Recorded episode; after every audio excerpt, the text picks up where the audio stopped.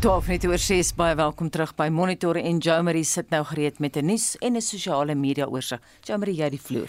Goeiemôre, ons begin vanoggend op Soweto se voorblad, The Writer Must Go. Die Black Business Council se uitvoerende hoof, Ganki Matabane, dring daarop aan dat Eskom se uitvoerende hoof en die kragverskaffer se raadslede bedank weens hulle beweerde onvermoë om die land se kragkrisis op te los. Eskom Stage 4 en load shedding is drie van die gewildste onderwerpe op sosiale media vanoggend. Beeldberig egter dat Ryter bly in sy pos, sê Ramaphosa.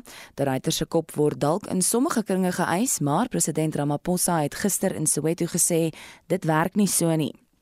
Dan berig Volksblad oor twee polisiebeamptes van Bloemfontein wat die dood net net vrygespring het nadat 'n gesteelde graafmasjien wat in die Oos-Kaap opgespoor is van 'n sleepwa gegly het en op hulle geval het. Die opskrif daar lei lid verloor onderbeen. Daily Dispatch berig ANC candidates list for top BCM posts rigged. Volgens die berig is die ANC-lede op die proporsionele verteenwoordigingslys vir die Buffalo City Metro nie dieselfde kandidaate wat vroeër gekeur en gekies is nie. The Herald en die Ooskaap berig husband implicated in Vicky murder. Twee mans het gister in die hof verskyn in verband met die moord op die 42-jarige Vicky Terblanche. Die klagstaat het egter onthul dat Terblanche se man, Arnold, en die twee beskuldigdes saam gesweer het um, om haar moord uit te voer. En in ander nuus het Christopher Panayotu, die veroordeelde baasbrein agter die huurmoord op sy vrou Jade Panayotu, gister vir die eerste keer in die hof getuig. Hy is tot lewenslank tronkstraf gevonnis en getuig nou teen die vermeende middelman in Jade se moordsaak, Lutando Sioni. En dit was Jo Marie Verhoef met 'n blits nuusoorsig. 14 minute na 6 nou verskeie rolspelers in die onderwys sê dringende ingryping is nodig om die impak van beerdkrag op die eindeksamen af te weer. Marlene Fouché berig dat die manier waarop skoolsale en klaskamers gebou is, die kwessie bemoeilik omdat natuurlike lig nie benut kan word nie. Frustrasie oor die toenemende gaping tussen diegene wat tuis en op skool kan aanpas en diegene wat agterbly, neem boonop toe. ESCOM regrets to inform the public that stage 4 load shedding will be implemented until Friday at 5 in the morning. Thereafter, stage 2 will continue as previously communicated. Ons leef daarom in Suid-Afrika met die Eskom krisis wat ons almal raak en hierdie moeilikheid het ons op 'n afstand sien kom. So ons het ons lede aangeraai om 'n plan A en 'n plan B en 'n plan C maar gereed te kry. Daar's baie frustrasie op al die skole. Sekere skole kan nou wel sekere dinge doen, maar baie skole kan niks daarop trend doen nie. As die ligte af is, is die klaskamer amper soos 'n skemeraand. Dit is moeilik om in donker te weet te kan skryf. Daar's geen twyfel dat dit is 'n verontrusting van mense en dit maak dinge baie baie uitdagend vir skole en vir leerders. Die frustrasie oor die kwessie is tasbaar en die oplossings onskynlik buite bereik. Die Suid-Afrikaanse Onderwysersunie se bestuurshoof Chris Klopper sê hulle het die departement van basiese onderwys oor die kwessie genader, maar disse hande is afgekap. Eskom se antwoord aan hulle is doodgewoon om te sê luister, ons hoor wat julle probleme is, maar ons het ook ons eie probleme. Ons moet eers ons probleme kan aanspreek voordat ons enigstens in staat is om julle met julle probleme te kan help. So Dit lyk vir my ons is vasgevang in die greep van Eskom en die feit dat Eskom die enigste kragvoorsiener is in Suid-Afrika en moontlik is dit nou tyd dat 'n mens begin kyk dat hierdie monopolistiese houvas op die samelewing verbreek word.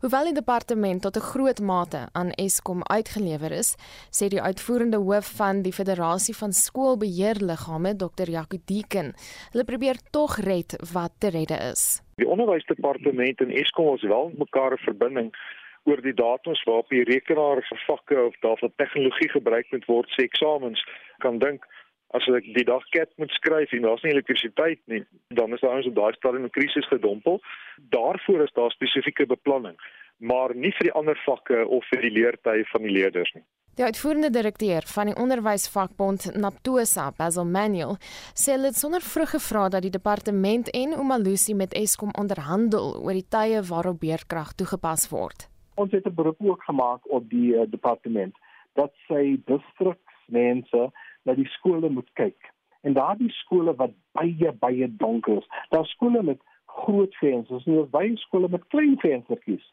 Hulle moet daarna kyk en hulle moet sien of ons nie daardie skole kan help om ligte daar in te sit of miskien kragopwekkers of wat ook al, maar ons moet iets doen. Hy waarsku dat heel party kinders nou skaars kan leer en dat hul veiligheid boonop in gedrang is. Hoe studeer jy in kerslig?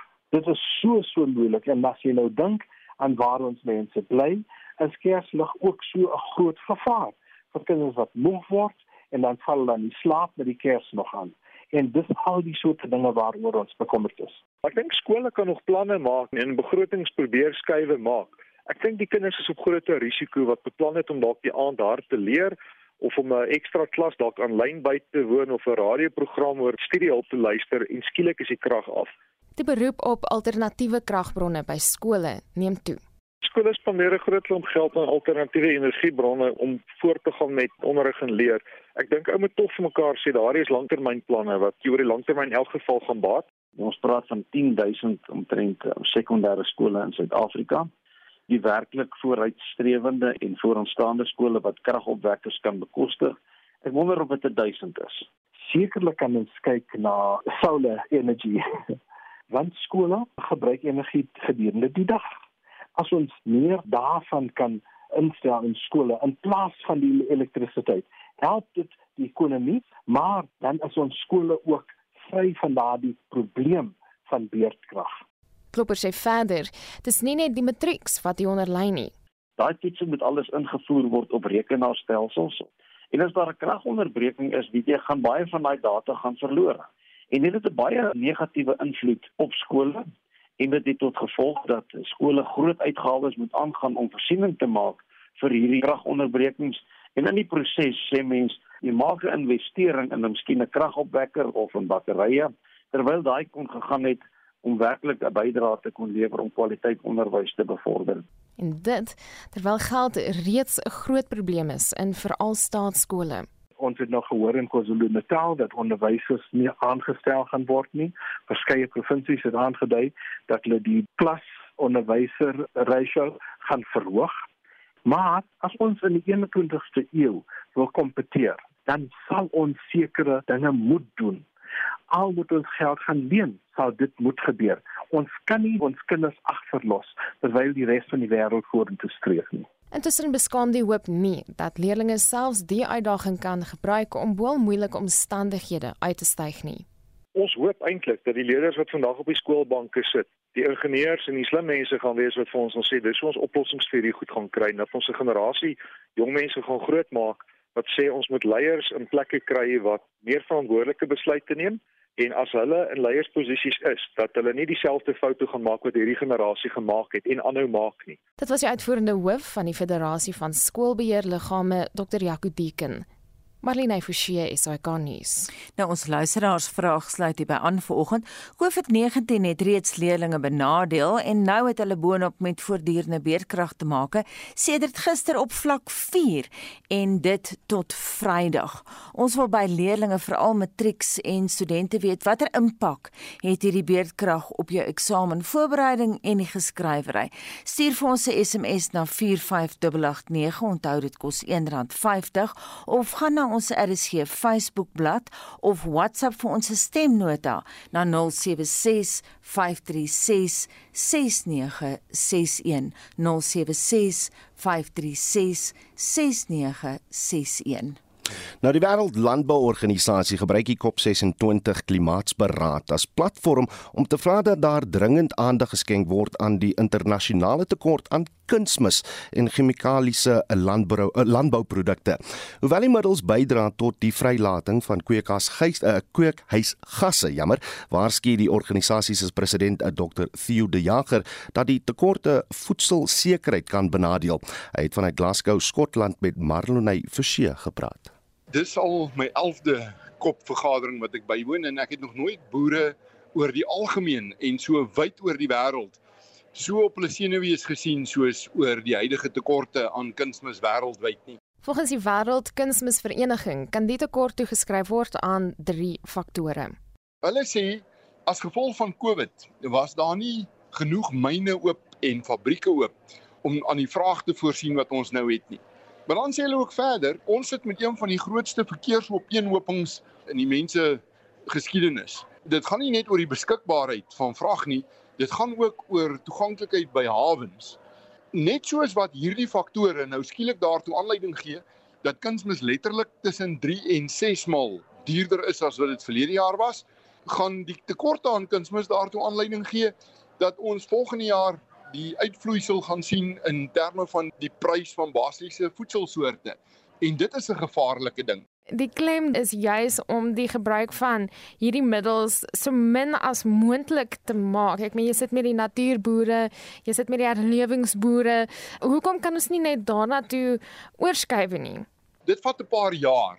Jy moet eers jou grondgesondheid opbou. Jy moet weer al die organismes terugkry in die grond wat jy nodig het om jou plante te voed en beskerm te hou. En dit kos 'n klomp geld. Daar is eenvoudig nie 'n finansieringsmeganisme om 'n brug te bou tussen waar ons nou is en daar waar ons wil wees nie.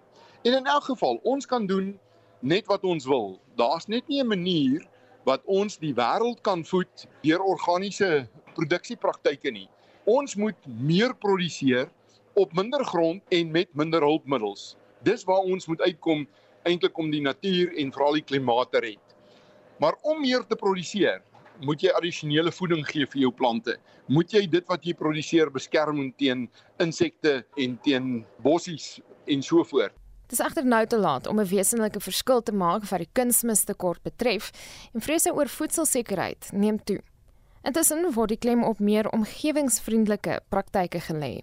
Daar is allerhande gesprekke hier by Kop oor moontlike finansieringsmeganismes om meer boere te help Daar's 'n groot klomp universiteite hier wat beloftes maak van hulp op navorsing en ontwikkeling. Dit alles natuurlik kos 'n klomp geld. En dan is daar ook die druk van dat meer boere in die wêreld toegelaat word om met energie te boer en om dit as 'n vertakking van sy boerdery in die mark van die hand te sit. Kan jy nou dink in Suid-Afrika as boere ook soos hier in Europa krag kon opwek en dit dan verkoop binne in die nasionale netwerk en boere wat dit doen, veral hier in Europa, vind dat hulle volhoubaarheid en hulle winsgewendheid dramaties sterker geword het. Ons vader besluit om meer druk op die Suider-Afrikaanse Ontwikkelingsgemeenskap, die Afrika Unie en die Ekonomiese Gemeenskap van Wes-Afrika state te plaas om die konsep in Afrika te bevorder. Ons klomp boere uit Afrika uit wat hier by kop is, het ooreengekom dat ons moet op Afrika Unie vlak en selfs op SADC vlak en op ECOWAS vlak baie harder druk vir hulp om ook met energie te kan boer. Intussen sê hy dit wat die land op natuurboerdery basis mededingend kan produseer, word dikwels eerder uitgevoer omdat die plaaslike mark nog nie heeltemal gereed is nie. Dis nie teenstaande sit ons moet van die wêreld se voorste natuurboerderye van al die lande waar ek nou in die afgelope paar jaar was, het ek nog nie 'n boerdery gesien so ZZ2 as dit kom by grootskaalse natuurboerdery nie.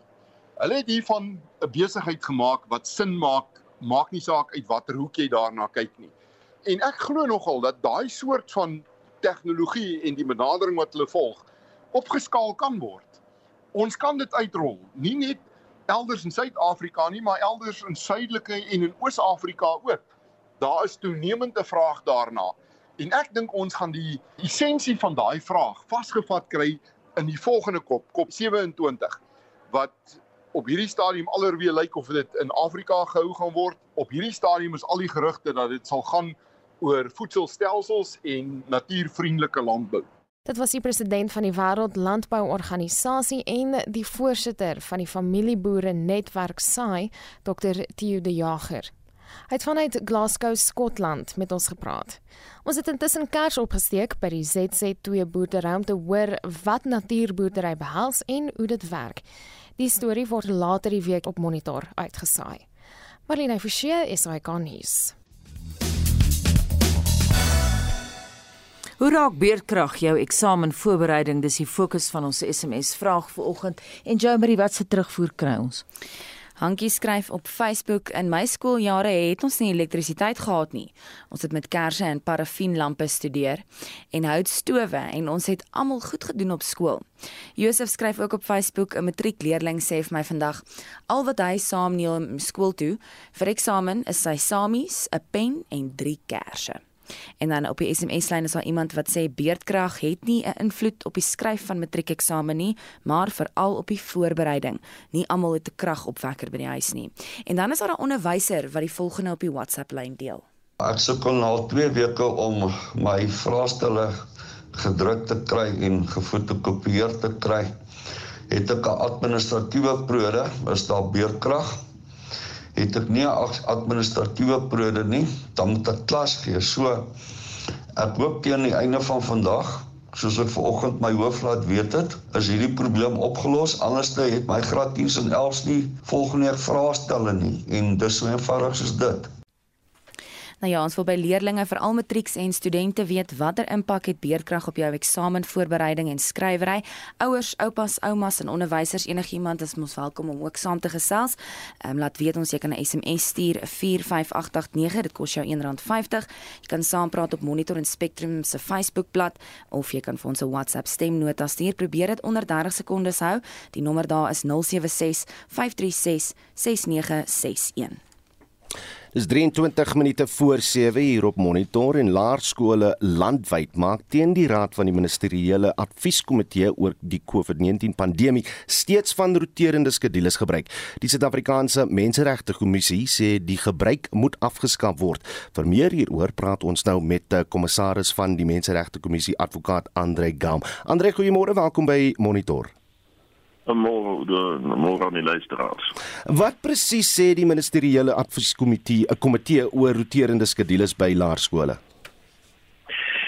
Wel, in wese sê die komitee dat die skade vir leerders van rotasie veral die erge kognitiewe voedings en psigososiale koste is baie meer as die voordeel van verminderde corona infeksies uh, weens kleiner klasgroottes.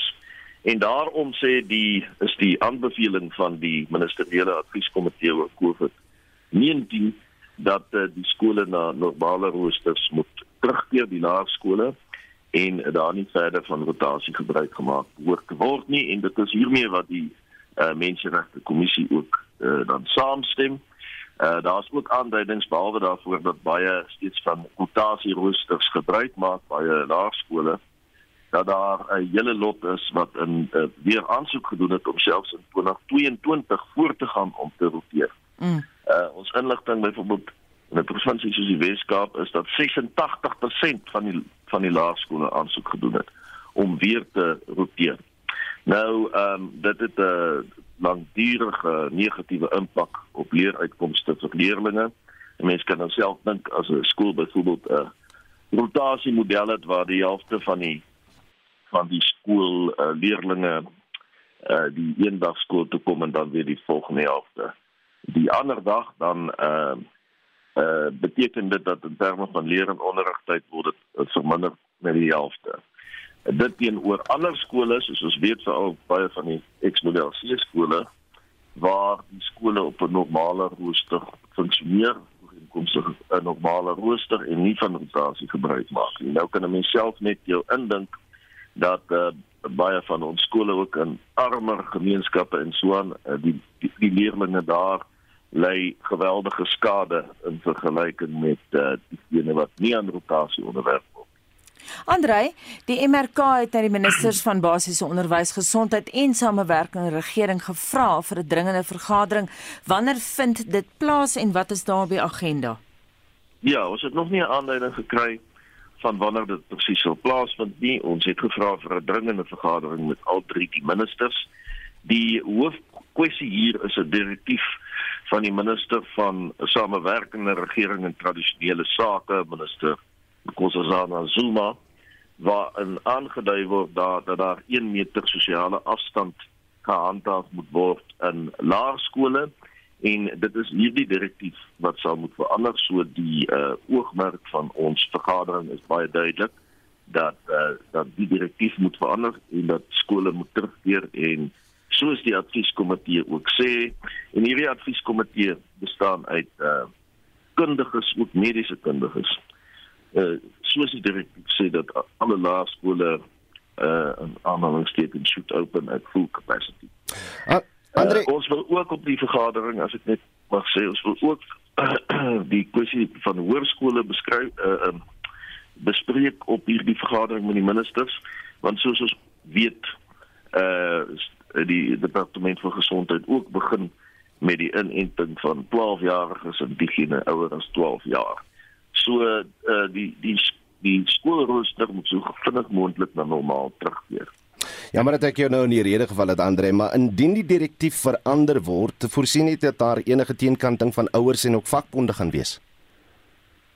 Wel, daar is maar altyd teenkanting met betrekking tot enige besluit betreffende COVID-19, maar weer eens moet mense die regte wat ter sprake is opweeg en die faktore wat ter sprake is.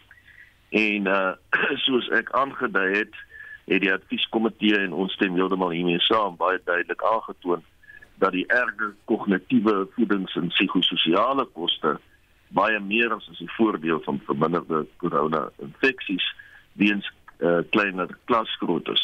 So dit uh, ook spesifiek wat die voedingsskema betref uh, wat in uh, skole toegepas word, uh, lei leerlinge daaronder wat uh, wat nie daardie voordeel meer kry nie. Dis een van die drie aspekte wat spesifiek genoem is deur die ministeriële advieskomitee. Andre, ek wil terugkeer na iets anders wat jy vroeër gesê het. Jy het gepraat van die kinders wat van 12 af nou teen COVID ingeënt word. Die MRK vra nou ook dat hoërskole ten volle oopgestel word. Nee, daai punt baie duidelik gemaak.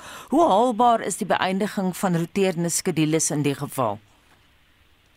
Ja, ek dink in, in daardie geval is weer eens uh, een van die belangrike faktore dat al die onderwysers reeds ingeënt is en tweedens dat selfs in daardie ouder in die ouderdomsgroep in hoërskole uh leerlinge minder vatbaar is vir die virus en dan die bykomende faktor dat uh die 12-jariges en ouer nou ingeënt kan word.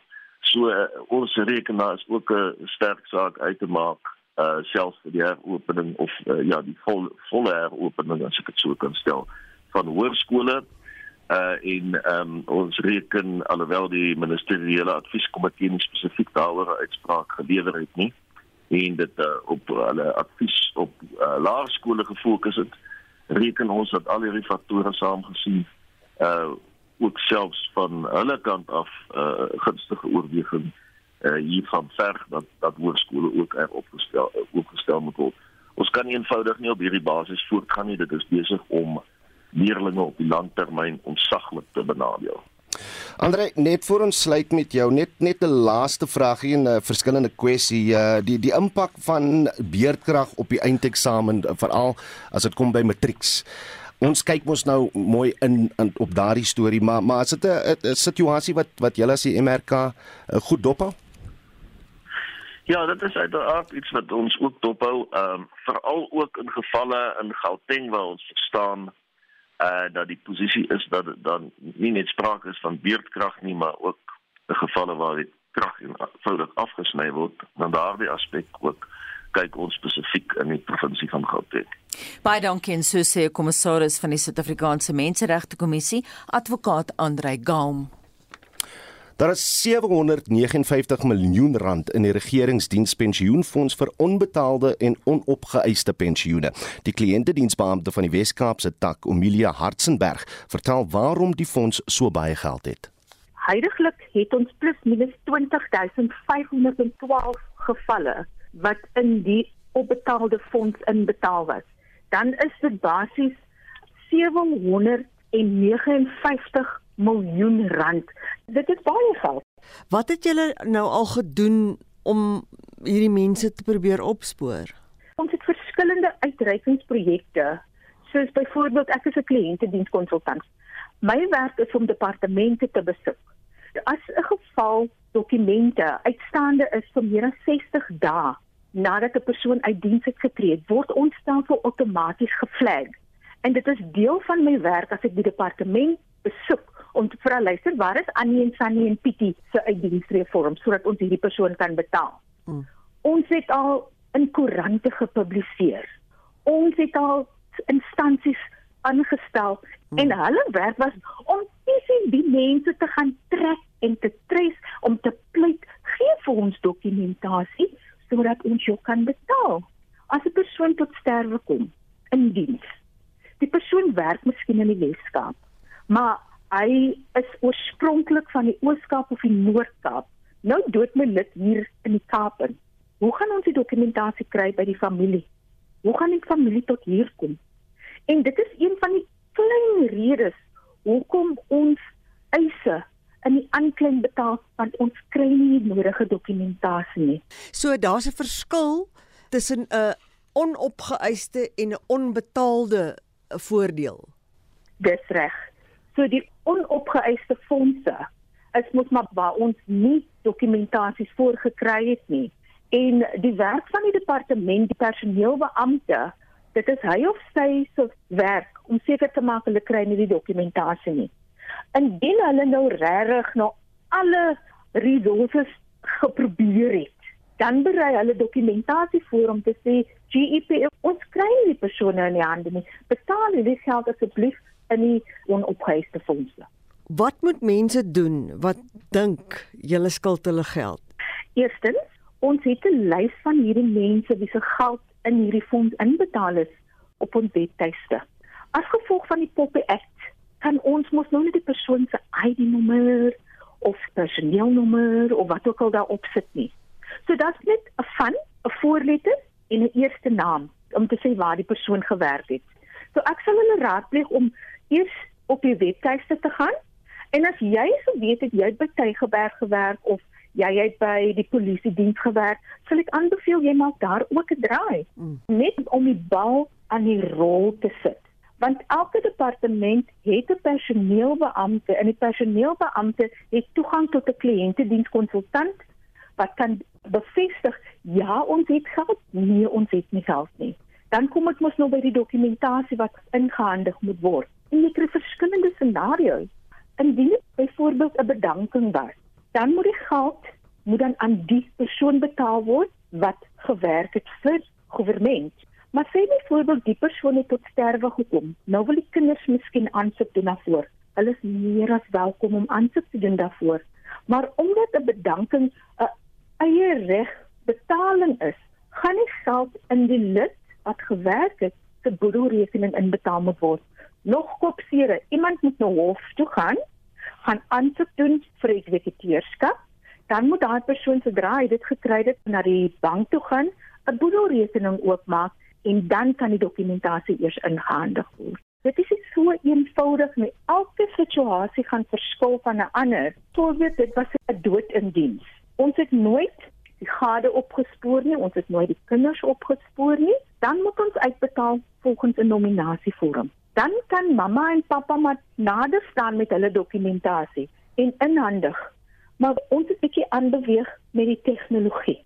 Elke uitdienstrede word nou op 'n elektroniese platform gelaai. Die eis kan net deur 'n departement voltooi word. So met ander woorde as jy by gesondheid gewerk het, moet gesondheid die vorms wat voltooi was deur die familielede op ons stelsel laai. So hulle kan nie direk na ons toe kom en vir GPF die dokumentasie gee nie want dit moet op die PCN platform gelaai word. Natuurlik het elke provinsie het 'n instapdiensentrum. Maak gebruik van ons dienste. Omilie Hartzenberg, kliëntedienste beampte by die regeringsdiens pensioenfonds in die Weskaap het met Metsi van der Merwe gepraat. En nou internasionale nuus. Dit is reeds 7 jaar sedert die aanvang van die VN se agentskap vir vlugtlinge se I Belong veldtog. 4,2 miljoen mense in 94 lande sit sonder enige vorm van burgerskap. Die syfer kan selfs hoër wees want data word nie altyd ingesamel nie. Annelien Moses doen verslag. Emmanuel Mite van die VN se agentskap vir vlugtelinge sê 'n staatlose mens is iemand sonder 'n nasionaliteit in die land waar iemand hom of haarself bevind. Mite sê nasionaliteit is nie net 'n stuk papier nie, maar 'n weg tot basiese regte. Staatloosheid het ook 'n verdoemende invloed op die nageslag van staatlose mense. A stateless child most of the time will not be able to go to school. And if he manages to go to school, then he will not be able to take an exam, obtain a diploma, because for this we need documents. And without a nationality, precisely a stateless person doesn't have any document proving who she is, who he is.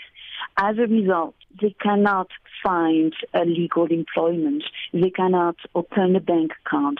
They cannot officially rent a place. And because of all of this, they end up in the margin of society. They end up in poverty and also in suffering because when you are excluded, you are also very unhappy person. Mite sê mense word staatloos omdat daar gapings is in wetgewing rakende nasionaliteit. Sy sê in die SADC-streek is daar lande waar wetgewing maas verhinder om hulle nasionaliteit na hulle kinders oor te dra. This is the case in Eswatini.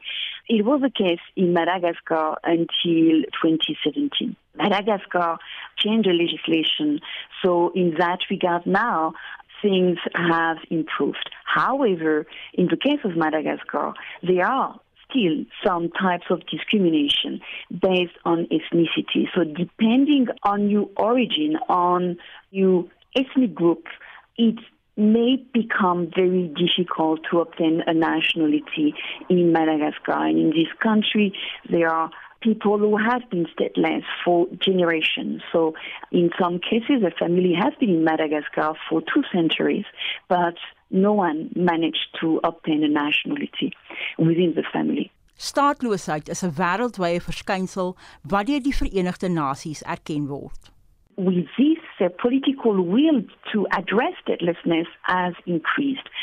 And that is a very first step or an essential step for actions to change the situation. So, in the region, there are a number of states that have started reviewing their legislation and reforming their legislation. I was speaking about Eswatini and Madagascar earlier. Those two countries, as we speak, are now engaged into a review or reform of their nationality legislations.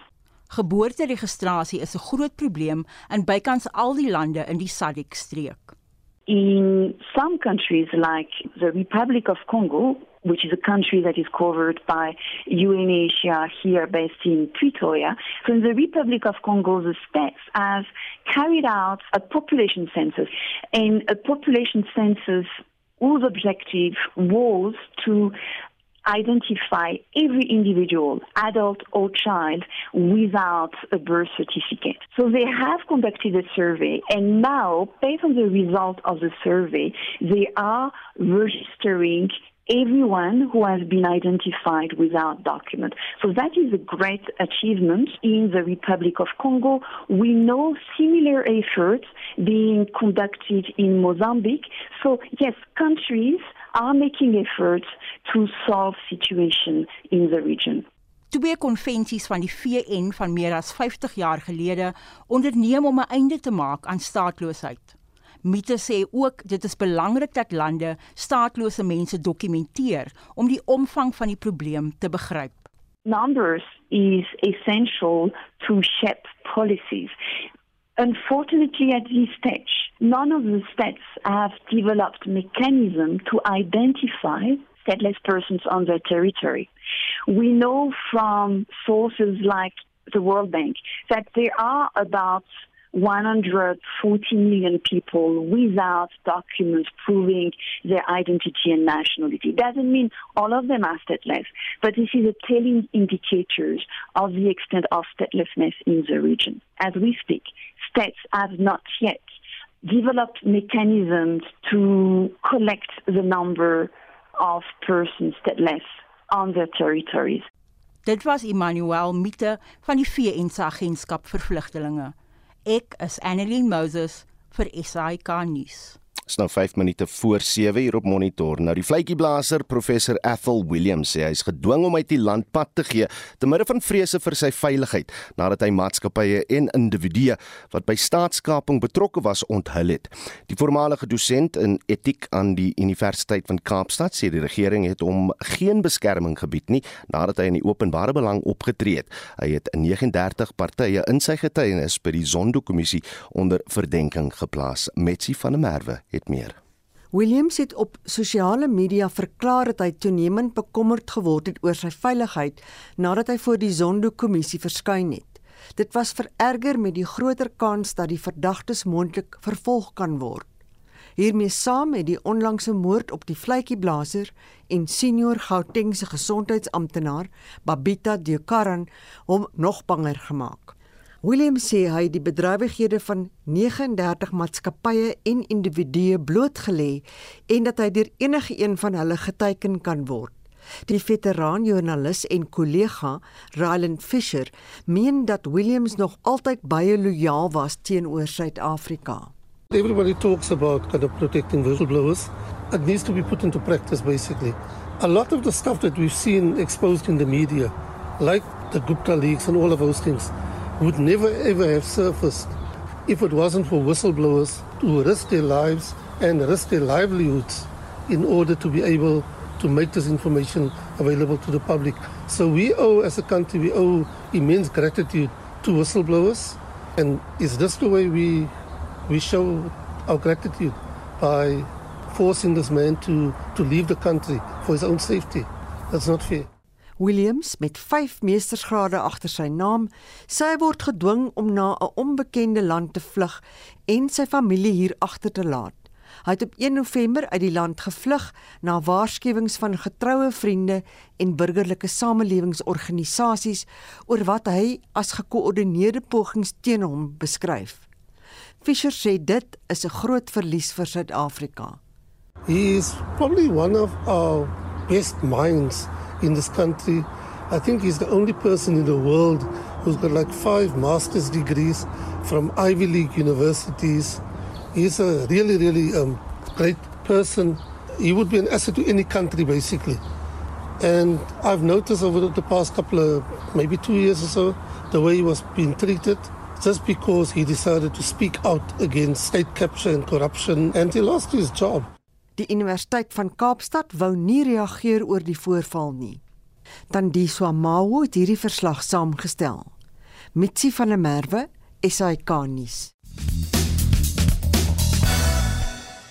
Essie sal later in die program terugwees met nog verkeersnuus. Ons het ook vroeër op monitor gepraat oor die effek van beerdkrag op eksamens en die skrywery daarvan en ons is nog glad nie klaar met daai onderwerp nie want na 10 oor 7 praat ons oor verskeie goed rakend Eskom onder meer die korrupsie wat steeds daar hoogty vier. So bly ingeskakel, ons praat met twee ontleeders, daar kry jy antwoord op al jou vrae en dit bring ons by die 7 uur nuus.